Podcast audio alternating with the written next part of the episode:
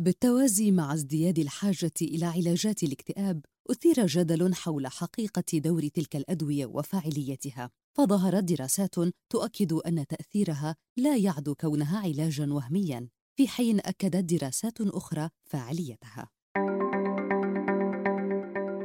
على مدى عقود ارتبط الاكتئاب النفسي بانخفاض مادة السيروتونين التي يفرزها الدماغ لكن دراسة حديثة نسفت هذه النظرية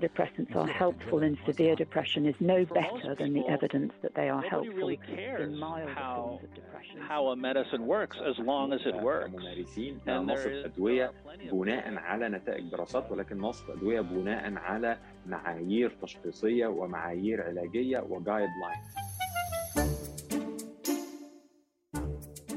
فمثلا هذا الجدل بخصوص علاقة هرمون السيروتونين بالاكتئاب ليس بجديد ولكنه عاد إلى السطح مرة أخرى عندما ظهرت دراسة أخيرة تدعم هذا الرأي.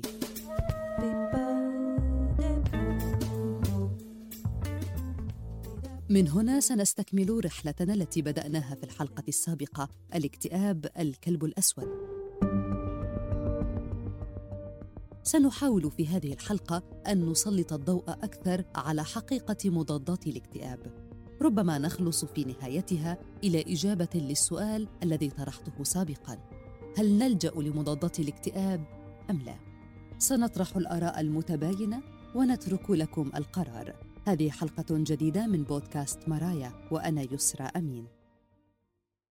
قبل أن نستعرض وجهات النظر المتباينة بخصوص مضادات الاكتئاب تعالوا نتعرف مع دكتور يمان مكي الأخصائي في طب الأمراض العصبية في مستشفى جورج واشنطن على هرمون السيروتونين الذي يلعب دورا رئيسيا في التحكم بالمزاج والنوم والهضم وعدد من وظائف الجسم الأخرى. السيروتونين هو آه، ناقل عصبي بالإنجليزي يسمى neuro موجود بالدماغ بخلايا العصبية بالدماغ وكمان بالخلايا العصبية تابعة للجهاز العصبي الهضمي. والسيروتونين مثل هو آه، بيسموه ناقل عصبي لأنه بيخلي مثل الخلايا العصبية تتواصل مع بعضها من خلال هذه المادة. هذه بشكل مبسط. وبيجي هو السيروتونين آه، بيصير في سلسلة آه، تفاعلات كيميائية الجسم بيعملها. من مادة التريبتوفان والتريبتوفان نحصل عليه من الغذاء الموجود بقلبه البروتين مثل مثلا الحليب الجبنة السمك البيض وإلى آخره.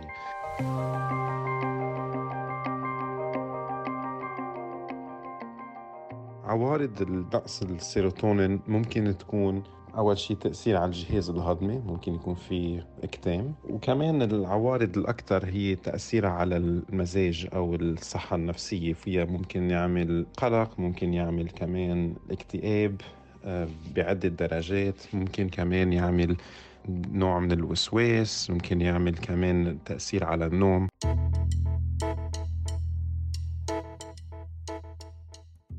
من المهم أن نفهم أكثر عن هذا الهرمون المسمى بهرمون السعادة قبل أن نطير إلى لندن وتحديدا إلى كلية لندن الجامعية حيث أجرى مجموعة من الباحثين دراسة اعادت الجدل القديم حول علاقة السيروتونين بالاكتئاب. نفت الدراسة الأخيرة وجود دليل واضح على أن مستويات الناقل العصبي أو نشاطه أي السيروتونين هي المسؤولة عن الاكتئاب. من القائمين على هذه الدراسة دكتورة جوانا مونكريف الباحثة وأستاذة الطب النفسي والاجتماعي. This idea that depression is caused by serotonin was تقول مونكريف إن شركات الأدوية أشاعت في تسعينيات القرن الماضي علاجات جديدة للاكتئاب من عائلة SSRI واستندت هذه الشركات في تسويقها لمنتجات هذه المضادات الجديدة ضد الاكتئاب بأنها تساهم في زيادة مستويات السيروتونين في الدماغ من دون إدمان المريض عليها. على عكس الأدوية التي كانت شائعة في سبعينيات القرن الماضي كعقار الفاليوم مثلاً.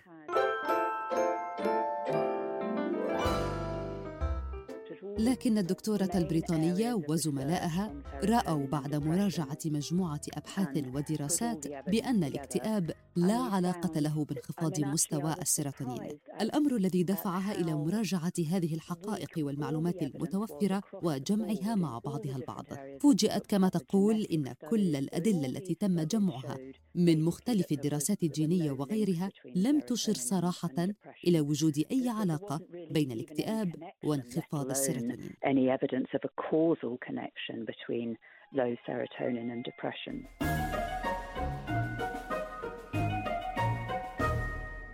هل يعني هذا أن مضادات الاكتئاب غير فعالة؟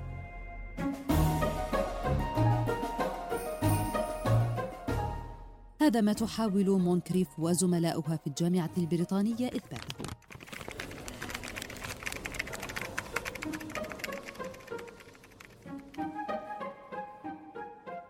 يقول العديد من الأطباء النفسيين إنهم يعرفون منذ فترة طويلة أن المستويات المنخفضة من السيروتونين ليست السبب الرئيسي للاكتئاب وأن هذه الورقة البحثية لا تذكر شيئا جديدا.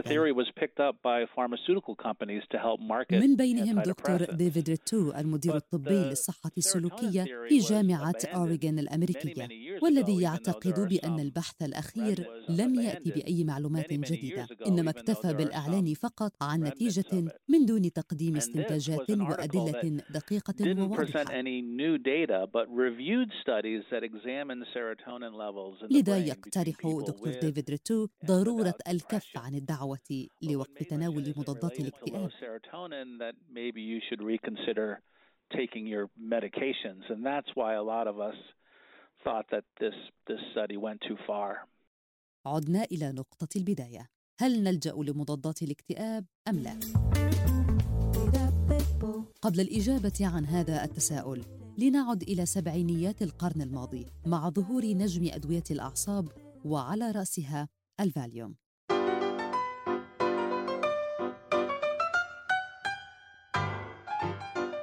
في أواخر خمسينيات القرن الماضي حصلت شركة هوفمان لاروش على براءة اختراع دواء لتهدئة وظائف المخ والجهاز العصبي. سرعان ما أصبح شائعا عالميا باسم الفاليوم. شهرة الفاليوم وغيره من علاجات عائلة benzodiazepines الحديثة كالكزاناكس والأتيفان لم تبدأ بين ليلة وضحاها. سبقتها عائلة barbiturates في ألمانيا قبل نحو قرن من الزمن إلا أنها انتشرت في الولايات المتحدة في ثلاثينيات القرن الماضي إبان الركود الاقتصادي الذي شهده العالم بين الحربين العالميتين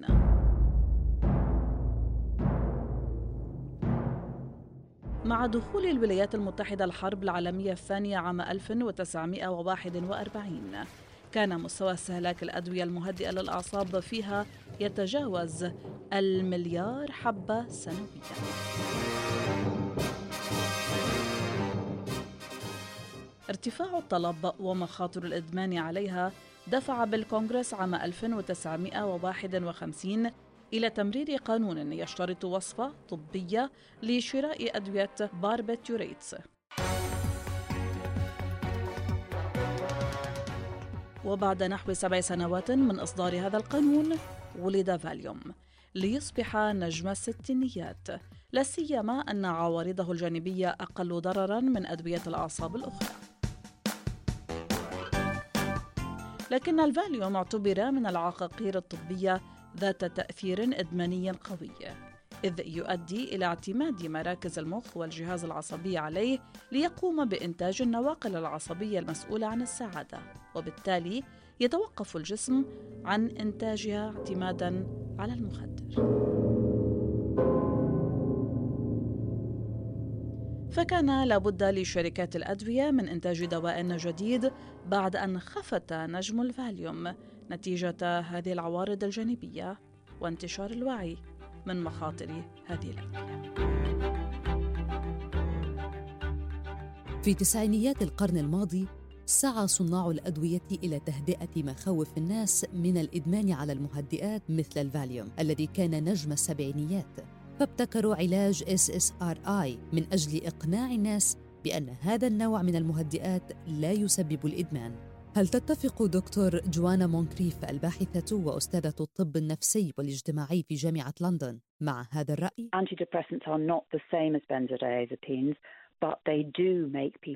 الأدوية المضادة للاكتئاب ليست كمهدئات الأعصاب، لكن لديها القدرة على جعل الذي يتعاطاها أكثر اعتمادا عليها جسديا. لذا من المهم التنبيه إلى أن الذي يسعى للإقلاع عنها عليه أن يستشير الطبيب ويقوم بذلك تدريجيا. لقد قيل لنا إن مشكلة الاكتئاب ناجمة عن خلل كيميائي في الدماغ، وأنه عندما تنتابنا الكآبة نشعر بتغييرات في الدماغ لناحية رد الفعل أو حالات الانفعال التي تنتابنا. ولكن ما أود قوله أن الاكتئاب قد يكون ناجما عن حالة انفعالية بسبب أمور وتحديات تواجهنا في الحياة. لذا إذا أردنا فهم مرض الاكتئاب ومساعدة من هم بحاجة للدعم أقترح مراجعة ما الذي يجري في حياة هذا الشخص وتحديد المشكلة أو الأزمة التي يواجهها. معظم الأسباب التي تقف وراء الاكتئاب تكون عادة مرتبطة بالزواج أو العلاقة مع الشريك أو العمل ويكون بعضها مرتبطا بذكريات أليمة لها علاقة بأحداث جرت في الماضي. ليس هذا فحسب إنما حذرت مونكريف من تأثير مضاد الاكتئاب على هرمون السيروتونين. We found evidence that people who are taking antidepressants actually have lower levels of serotonin in their blood. خلال عملية البحث بينت لنا دراسات أن الذي يتناول أدوية مضادة للاكتئاب لفترات طويلة يعاني من انخفاض مستوى السيروتونين في الدم، لكننا لا نعلم إذا كان له علاقة مباشرة بانخفاض هذا الهرمون في الدماغ. أعتقد أن هذا الأمر ممكن لدرجة معينة. وأعتقد أن الأمر الذي يجب التنبيه إليه هو أن الأدوية المضادة للاكتئاب تؤثر على المستويات الطبيعية لكيمياء الدماغ وعلى المستوى الطبيعي لنظام السيروتونين. لا ندرك بعد مدى قدرة تأثيرها لأننا لم نكمل الدراسات بهذا الخصوص لا سيما للأشخاص الذين يتناولون هذه العقاقير لفترات زمنية طويلة. لذا أعتقد أن من المهم جدا أخذ الحذر عند تناول الأدوية المضادة للاكتئاب. That is a reason to be extremely cautious about the use of antidepressants.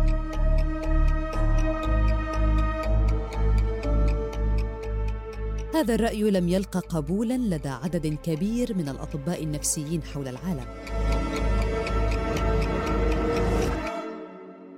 فمثلا ديفيد ريتو المدير الطبي للصحة السلوكية في جامعة أوريغون بالولايات المتحدة يرى بأن تبسيط عمل المواد والمركبات الكيميائية وتفاعلها مع بعض أمر مبالغ فيه ويقول إنه من الخطأ رد الاكتئاب لسبب واحد أو نفي وجود علاقة للسيروتونين بالتحولات المزاجية لأن ببساطة القائمين على الدراسة قرروا عدم مراجعة كافة الجمل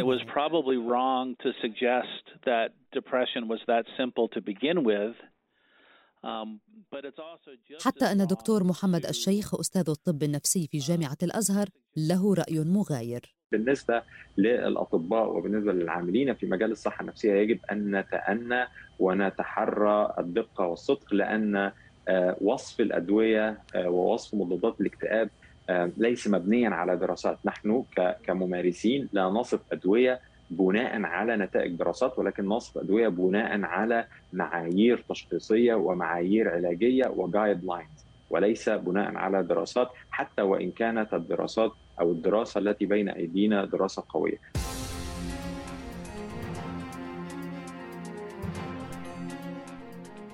ماذا بشأنك دكتور مكي؟ هل مضادات الاكتئاب فعالة كعلاج؟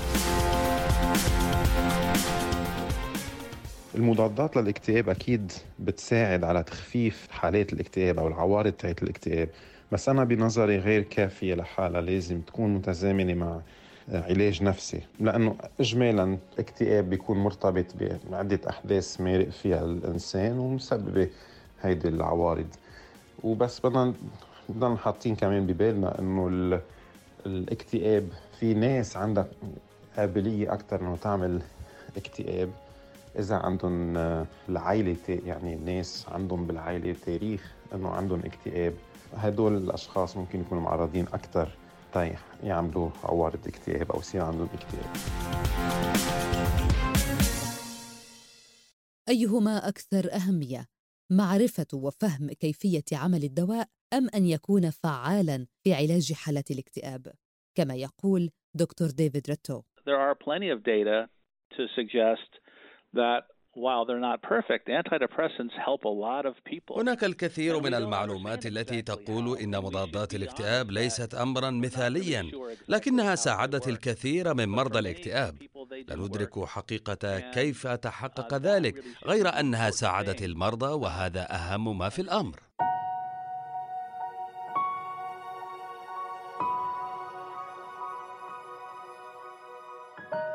لن ينتهي الجدل هنا. لأنه ببساطة لا أحد يعرف على وجه اليقين ما يسبب الاكتئاب. فهل الاكتئاب مرض يصيب دماغ المريض أم هو رد فعل على الضغوط والمشاكل الحياتية؟ في الحقيقة كلا الاحتمالين صحيح.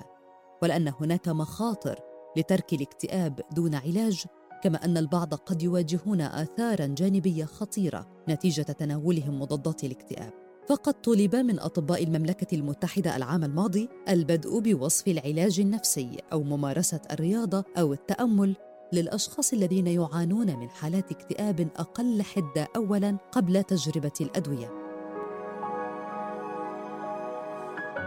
لا يبدو أن الجدل حول مضادات الاكتئاب سينتهي قريبا. ما نحتاجه الآن هو أن يدرك المريض ويستوعب كل الاحتمالات الممكنة. حتى يتمكن من خوض رحلة العلاج دون قلق أو تخوفات مما تحمله له لأنه كما تعرفون الأمراض النفسية لا تتحسن من تلقاء نفسها. أنا يسرى أمين وهذا بودكاست مرايا.